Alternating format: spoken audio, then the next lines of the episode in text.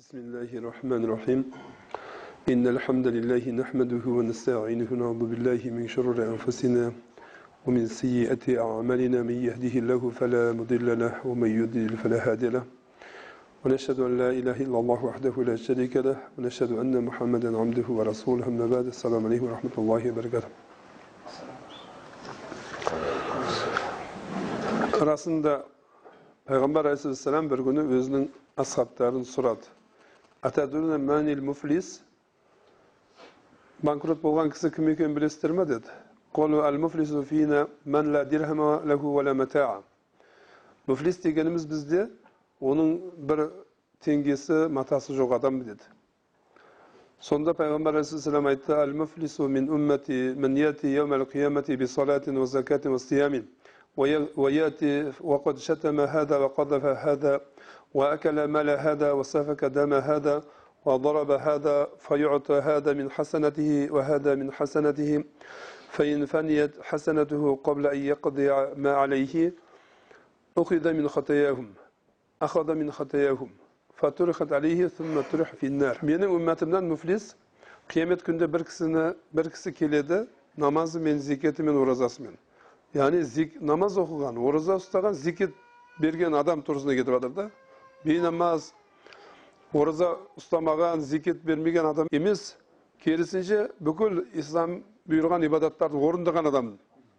Ümmetimden деп айтып атыр сол үшін пайғамбар алейхиссалам. Менің ümmetimden müflis, yani сол банкротқа жолыққан адам, ол қиямет күні бір кісіні бір кісі келеді намаз бенен зекет малын жеген, ананың малын төккен, мынаны ұрған мынаған өзінің жақсылықтарынан береді анаған өзінің жақсылықтарынан береді егер оның жақсылықтары бітетін болса оның үстіндегі нәрсені орындаудан ілгері сонда жаңағы адамдардың қателерінен алады сөйтіп оның үстіне тасталынады кейін тозаққа тасталады деді міне осы мүфлис бұл өзінің үйінде мың мың долларлық немесе жүз мың теңгелік матаға ие болған бір саудагер сияқты бірақ оның үстінде одан екі есе қарызы бар екі есе, екі есе көп қарызы бар яғни үйінде жүз мың теңгелік товары бар да бірақ екі жүз мың теңге қарызы бар қандай бұл бейшара бай саналады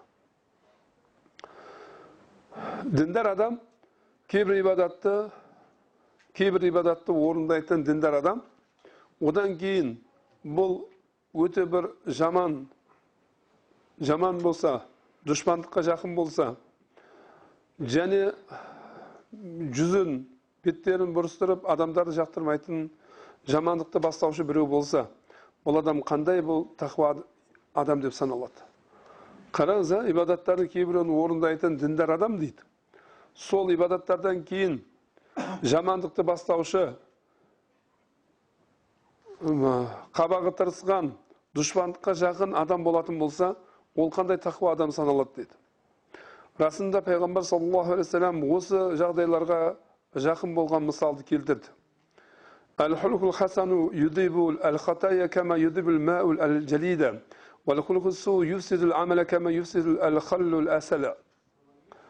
Пайғамбар саллаллаху осы жағдайларға зәрб мысал жақын болған мысалды келтірді. Жақсы мінез қателерді ертіп жібереді. Су мұзды ертіп жіберген сияқты. Жаман мінез амалды бұзады сірке әсерді бұзған сияқты. Сірке әсерге қосылып кететін болса балға қосылып кететін болса балды бұзатын болса жаман амалда жаман мінез құлықта амалды бұзады деді яғни жаман мінез құлық бұл адамның намазын оразасын зекетін бұзып жібереді екен. Егер адамда бұл бұзақылықтар өсетін болса оның зияны жан жаққа жайылатын болса оның қатері үлкен болса кісі дінінен ажырап қалады жалаңаш адам киімінен ажырап қалған сияқты. Оның иманды дағуа қылуы бір өтірікке айналады. Оның мінез құлықсыз діннің ешқандай бағасы жоқ.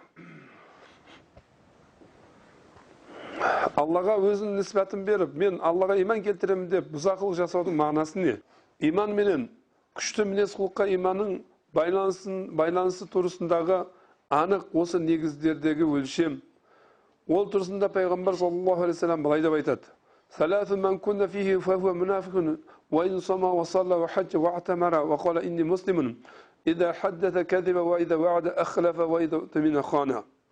үш нәрсе бір адамда болатын болса ол мұнафық болады егер ораза ұстаса да намаз оқыса да хажға барған болса да умра жасаған болса да мен мұсылманмын деп айтса да егер ол өті, сөйлесе өтірік сөйлейді уәде берсе уәдесіне қарсы келеді егер аманат қойса ол аманатқа қиянат қылады қараң осы үш сыфат бір адамда болса ол адам намаз оқыса да ораза ұстаса да хажға барып умра жасаған болса да мен мұсылманмын десе де ол адам мұнафық деді пайғамбар алейхисалату вассалам қашан қашан сөйлесе өтірік сөйлейді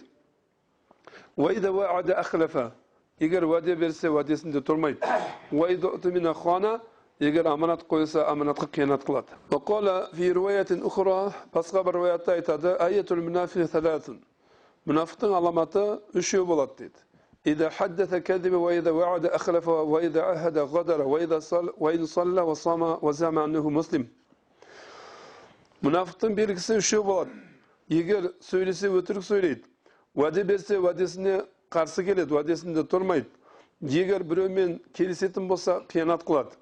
бұл адам орыз, намаз оқыса да ораза ұстаса да өзін мұсылманмын деп ойласа да ол адам мұнафық деді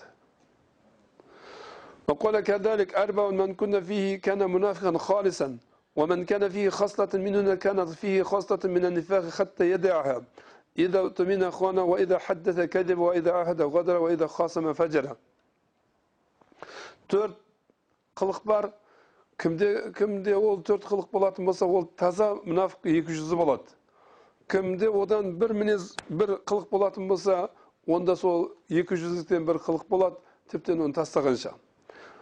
Қашан оған аманат қойылса қиянат қылады. Сөйлесе өтірік сөйлейді. Серт берсе уәде берсе қиянат қылады.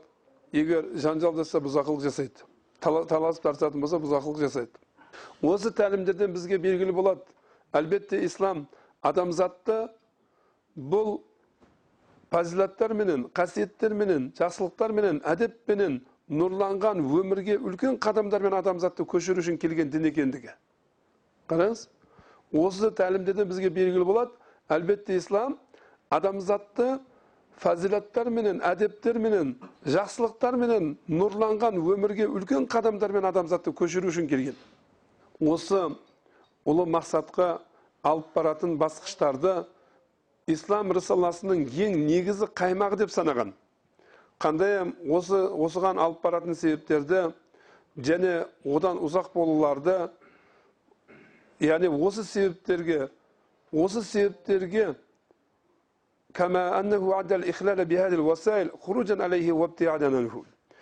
осы себептерді бұзуды исламға қарсы шығу исламнан ұзақ болу деп санаған сияқты. Қараңыз осы себептерге дейді. Яғни мәселен жоғарыдағы себептерді не қылды бізге тәлімдерді берді қашан біз сол тәлімдермен жүрсек біз үлкен қадамдарменен нұрлы өмірге қарап баратын екенімізді енді қашан біз содан ұзақта болатын болсақ немесе сол себептерге бір зиян жеткізетін болсақ сол себептерді бұзатын болсақ демек ол исламға қарсы шығу исламнан ұзақ болып саналады екен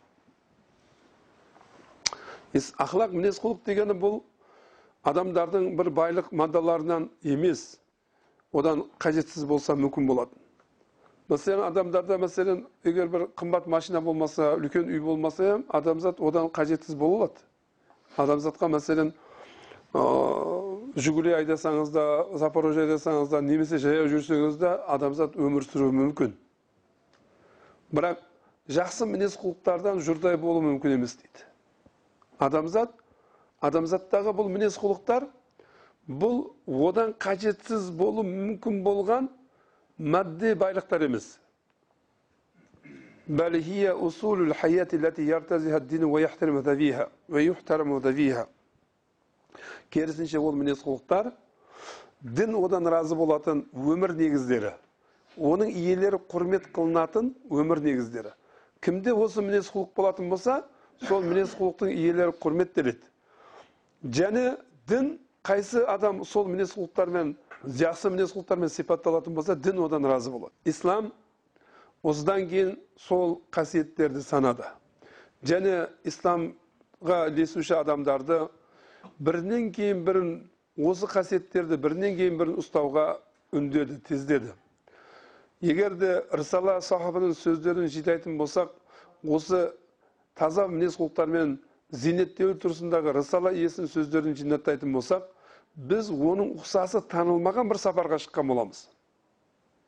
Яғни мәселен біз пайғамбар саллаллаху алейхи вассалам біздерге сол сондай бір пәк болған таза болған мінез құлықтармен мінез құлықтармен безенуімізді бұйырды.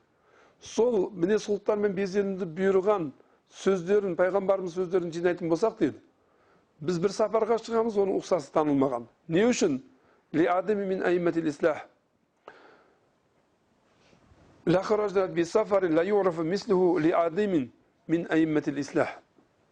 Яғни мәселен сол ислах имамдарынан өте ұлы болғандығы үшін оның ұқсасы көрілмеген сапарға шыққан боламыз деді біз осы фазилаттардың кең түсіндіріп беруді беруімізден ілгері біз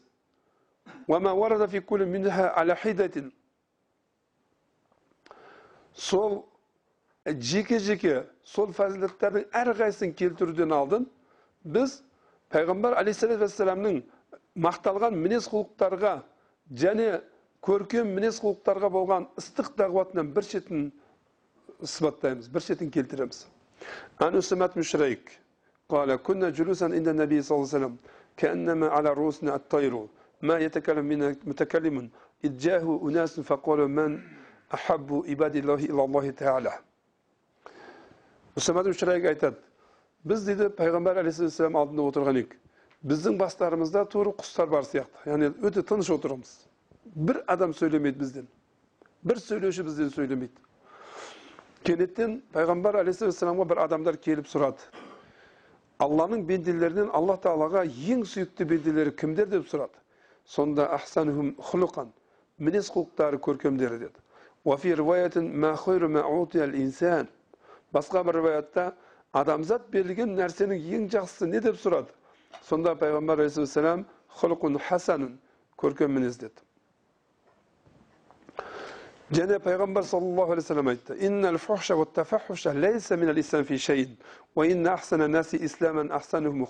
термизи еткен бұл хадис шәрифте пайғамбар алейхисалам айтады әлбетте жаман сөз сөйлеу жаман амалдарды жасау бұл исламнан еш нәрсе де емес әлбетте адамдардың исламы ең көркемі бұл мінез құлқы ең жақсысы деді пайғамбар алейхисалам сұрады момындардың иманы ең толығы ең кәмілі кім деді хұлқан олардың мінез құлқы көркемі деді وعن عبد الله بن عمرو رضي الله عنه سمعت رسول الله صلى الله عليه وسلم يقول ألا أخبركم بأحبكم إلي وأقربكم مني مجلسا يوم القيامة فأعادها مرتين أو ثلاثا قالوا نعم يا رسول الله قال أحسنكم خلقا абдуллах ибн әмір разиаллаху анху риwayat етіп айтады мен алла тағаланың елшісін былай деп жатқан естідім сендерге маған ең сүйіктілеріңді және қиямет күнінде мәжілісі маған ең жақындарың хабарын бермеймін ба деді соны екі рет немесе үш рет айтқанда сахабалар я расулаллах беріңіз деді сонда мінез құлықтарың жақсыларың деді қараңыздар мінез құлықтың исламдағы орны қиямет күнінде пайғамбарымызға ең жақын адам кім болады екен мінез құлқы жақсы пайғамбарымыздың ең сүйікті адам кім болады екен мінез құлқы жақсы أثقل في ميزان المؤمن يوم القيامة من خلق حسن إن الله يكره الفاحش البادية وإن صاحب الحسن الخلق қиямет күнінде момынның таразысында жақсы мінез құлықтан да ауыр ештеңе болмайды әлбетте алла субханала тағала жаман сөз сөйлейтін аузы жаман адамды жек көреді жаман мінез құлықты жаман сөз сөйлейтін адамды алла тағала жек көреді әлбетте жақсы мінез құлық иесі сол жақсы мінез құлқы себепті ораза ұстайтын және намаз оқитын кісінің дәрежесіне көтеріледі ораза ұстайтын намаз оқитын дегенде ағайындар бұл мәселен ертең иншалла біздерге рамазан шәріф айында рамазан шәріф айының оразасы келе жатыр бұл парыз ораза ораза ораза ұстаушының дәрежесі дегенде ораза ұстаушы иесінің дәрежесі дегенде бұл мәселен сол рамазан шәріф айындағы оразадан басқа дүйсенбі бейсенбі ораза ұстайтын және айдың 13, 14, 15 күндері ораза ұстайтын басқа да нәпіл оразаларды ұстайтын адам да айтып жатыр. Және намаз иесі дегенде біздердің мына бес уақыт намазымызды оқумен біргелікте ол адам түндерде тұрып тахаджд намаз оқиды. Мешітке барып дәрет алып барып пайғамбар алейхисалам айтты кім мешітке барып дәрет алып бамдат намазын оқып сол мешіттен шықпастан ә, айтып зікір айтып отыратын болса тіптен күн ә, найза бойы көтерілгенше сосын күн найза бойы көтерілгеннен кейін орнынан тұрып сол ишрақ намазын оқитын болса бір хаж бен бір умраның сауабын жетеді деді. Ағайындар бұл дегені сол намазды оқып қажылыққа бармасын умра жасамасын деген емес және сол нәрсені түсінейік бір осы хадисті оқып берсем бір кісі айтады онда дейді мен дейді осы амалды істеп қажыға бармасам бола ма? Жоқ қажылық өз алдына болған ибадат. Бірақ сол алла субханала тағаланың момын бенделерінің ішінде қажылыққа шамасы келетін адамдар бар қажылыққа шамасы келмейтін адамдар бар қажылыққа шамасы келмейтін адамдар қажылық сауабынан махрұм болмасын бәлкім осындай ибадаттарды орындайтын болса солардың дәрежесіне жетсін енді қажылыққа барған адам егер сол амалды істейтін болса ол алла тағаланың және оған берген фазлы болады егер осындай ашық айту бір философ жағынан садыр болғанда мінез құлықты түзету істерімен шұғылданатын бір философ жағынан пайда болғанда бұл ол жағынан таңдануға жетеледі дейді. Қандай керемет адам екен деп та егер бір адамдардың мінез құлқын жөндейтін мінез құлқын жөндеумен шұғылданатын бір философ жағынан осы сөздер пайда болғанда осы сөздер айтылса енді пайғамбарымыз мінез құлық турасында көп айтты ғой. Мінез құлық турасында осылай сөздерді айту жай ғана бір философ жағынан айтылғанда соның өзі таңғаларлыққа жетеледі дейді да. Қалайша мына осындай сөзді қалай айтып жатыр мына деп. Әлбетте бұл таңғалу үлкен бір дінді негізін қалаушы жағынан пайда болуы діндер әдетте өзінің бірінші ақиқатында таза ибадаттың үстіне негізделеді. Яғни дін дегенде тек қана ибадат түсініледі да. Бірақ бұл не, не, нені меңзеп жатыр бұл жерде? Адамзаттың мінез құлқын түзету ислам пайғамбары өзінің үммәтін әртүрлі ибадаттарға шақырды.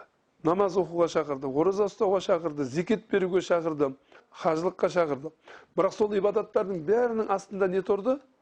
Мінез құлықты түзету тұрды. Неге? Деді. Намазды қайым қылыңыздар. Әлбетте бұл қайым қылынған намаз сіздерді бұзақылықтардан алла тағала қайтарған харам істерден тыяды деді. Мынау осы сол себептен мәселен кейбір ғалымдар айтады біз дейді адамдарды дейді көбінше дейді намаз үйретуіміз керек дейді намазды үйретіп намазды сол қаншалықты ибадатты дұрыс орындауды үйрететін болсақ олар анау бұзақылық басқа нәрселерден өзі тыйылады дейді не үшін намаз оның иманын көтереді да иманы көтерілген адам бұзақылықтар басқа харам істерге бармайды пайғамбар алейхисалату вассалам ислам пайғамбары саллаллаху алейхи вассалам бенделерді көп әртүрлі ибадаттарға шақырды қараңыз исламды ұстаушылардың алдында амалдың жақтары қаншалықты дәрежеде көп болмасын пайғамбар алейхисалату вассалам қиямет күніндегі олардың тарасындағы ең ауыр нәрсе бұл жақсы көркем мінез құлық екенінің хабарын берді әлбетте бұл осылай пайғамбар саллаллаху алейхи вассаламның қиямет күнінде бенденің амалының тарасындағы амалының ең ауыры бұл көркем мінез құлық болады деуі мінез құлықтың исламдағы жасырынбайтын орнын көрсетеді.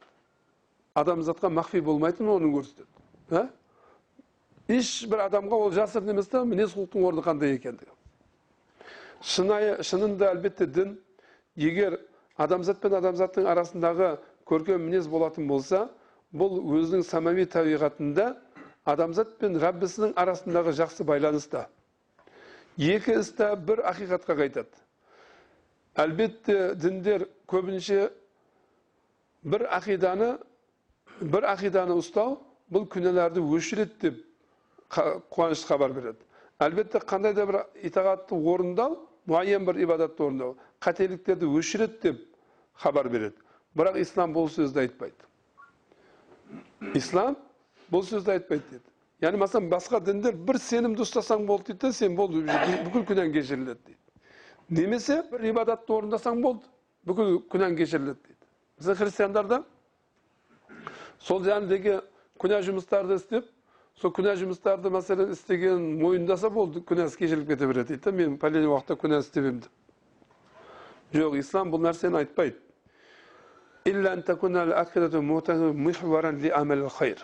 тек қана сол қабылдаған ақидасы жақсы амалға негіз болу керек оқ болу керек яғни мәселен біздің қабылдаған ақидамыз сеніміміз жақсы амалға қарап бізді алып баратын болу керек. Және міндетті орындауға міндетті орындауға оқ болу керек.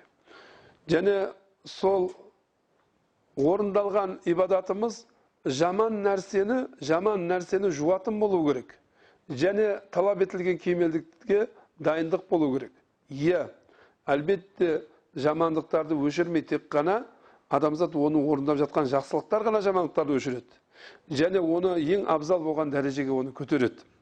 Расында пайғамбар алейхисалам осы әділ болған негіздерді мықты белгілеуге харис болды. Тіптен үммәтін жақсылап ескерту үшін үммәтіне жақсылап баян қылып беру үшін үммәтінің алдында мінез құлықтың дәрежесі жеңіл болмасын.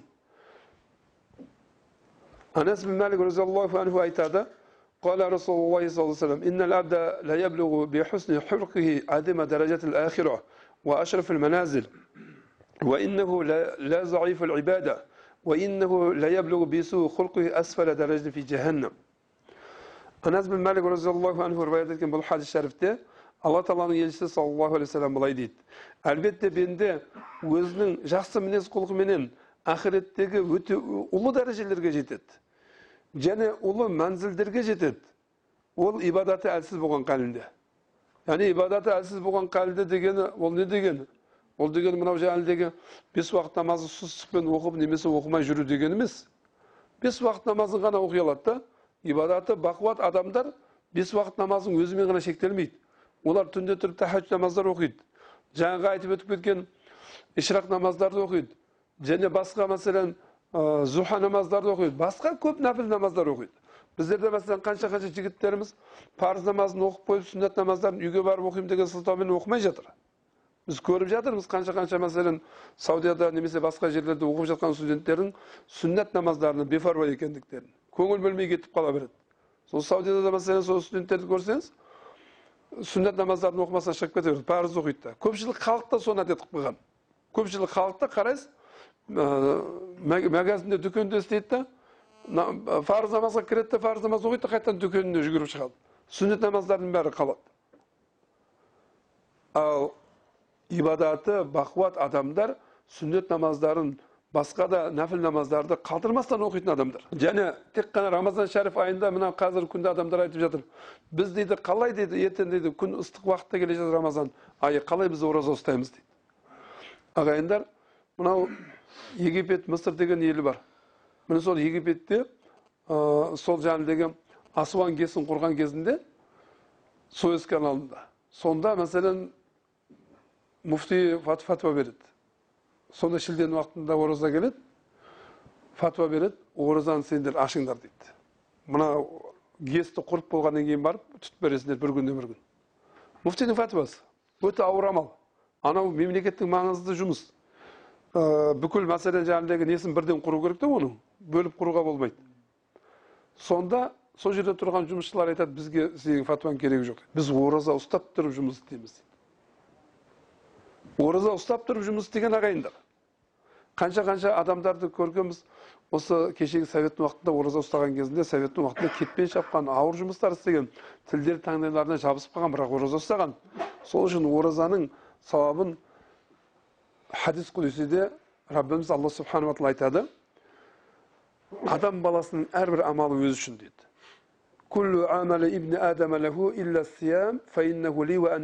дейді адам баласының әрбір амалы өзі үшін тек ораза олай емес ораза мен үшін дейді алла субханала оның сыйлығын мен беремін дейді алла субханала егер бір сыйлықты ауданның әкімі берсе қалай қуанып алады адамдар егер сол сыйлықты облыстың әкімі берсе қалай қуанады егер сол сыйлықты елбасы берсе қалай қуанады маған елбасы берді деп. Ал бұл оразаның сыйлығын алла субханала тағала мен беремін деп жатыр. Осы бүкіл дүниеге адамзатты жаратып адамзатқа бүкіл орынбасар қылып жаратқан алла субханала тағала мен беремін деп жатыр. Есіңізге алыңыз. Раббыңыз періштелерге айтып еді мен жерде өзіме орынбасар жаратамын деп алла субханала тағала дүниенің бетінде адамзатты жаратып адамзатқа бүкіл қолайлықты беріп қойды. Осындай дастархан үстінде отырып осындай нығметтермен пайдаланып жатқан адамзаттан басқа қандай жануар бар? Адамзат та бір жануардың түрі адамзат та бір айуанның түрі. Бірақ адамзат осындай қолайлықтармен пайдаланып жатыр да басқа біреуі пайдаланып жатқан жоқ. Не үшін? Өйткені алла субханала оларды халифа қылған жоқ. Жердің бетінде халифа қылды алла субханала тағала адамзатты.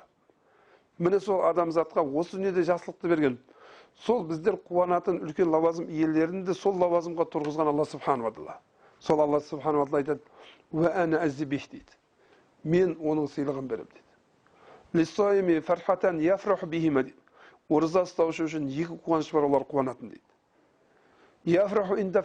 Біріншісі ауыз ашқан кезде қуанады. Қараңыз таңертең кешке шейін ораза ұстаушы адам алла тағаланың разылығы үшін өзінің алдында сусын тұрады жемістер тұрады басқа тамақтар тұрады. Бұлардың барлығы халал болған халінде бірақ оразаның уақытында ол алла тағала тыйғандығы үшін сол нәрседен тыйылады. Алла тағала тыйған нәрсе сол уақытта харам болады. Мәселен оразаның күнінде ол мұсылман адамдарға ол тамақтарды жеу харам болады. Не үшін алла тағала тыйғандығы үшін? Ол нәрселер харамға айланып қалған жоқ. Бірақ сол уақытта ораза ұстау керек. Алла субханала соған бұйырды. Және бұл оразада қанша қанша адамзатқа қайтатын осы дүниелік қанша манфааттары бар пайдалары бар. Міне соның үшін ибадаты әлсіз болып тек сол рамазан шәріп айында ғана ораза ұстайды да анау дүйсенбі бейсенбі айдың он екі он үш он төрт он бесі күндері басқа ашура күндері ораза ұстамайды. Ол тек қана рамазан шәріп айында ораза ұстайды. Болса ибада деген осы. Ибадат әлсіз деген тек қана парыз ибадаттарды ғана орындайды да басқа нәпіл тәтәуі ибадаттарды орындамайды сондай болса да дейді сол қияметте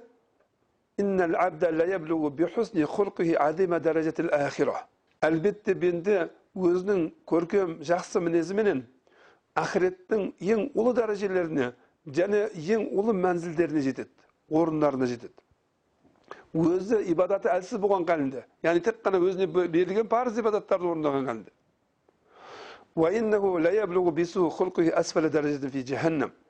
әлбетте бенде өзінің жаман мінез құлқыменен жаһаннам тозақтағы ең төмен дәрежеге түседі дейді عن عائشة رضي الله عنها قالت سمعت رسول الله صلى الله عليه وسلم يقول إن المؤمن لا يدرك بحسن خلق درجة الصائم القائم әлбетте момын бенде өзінің жақсы мінез құлқыменен ораза ұстаушының түнде тұрып намаз оқушының дәрежесіне жетеді дейді. Ассайым деген күндіздері ораза ұстаушы. Сондай оразаға харис адамдар болған.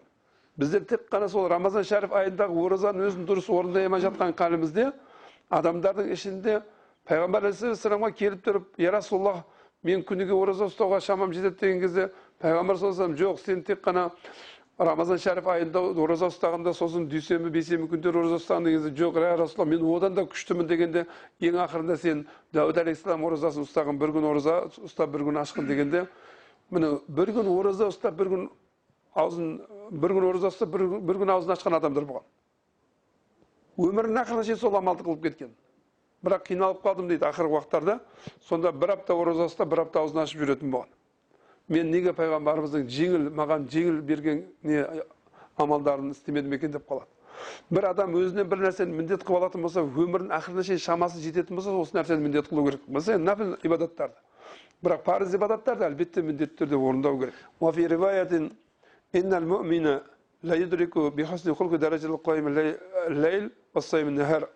Әлбетте момын адам өзінің жақсы мінез құлқыменен түнде тұрып намаз оқушының және күндіз ораза ұстаушының дәрежесіне жетеді عن ابن عمر رضي الله عنه سمعت الرسول صلى الله عليه وسلم يقول إن المسلم المسدد لا يدرك درجة صوام القوام بآية الله بحسن خلقه وكرم طبيعته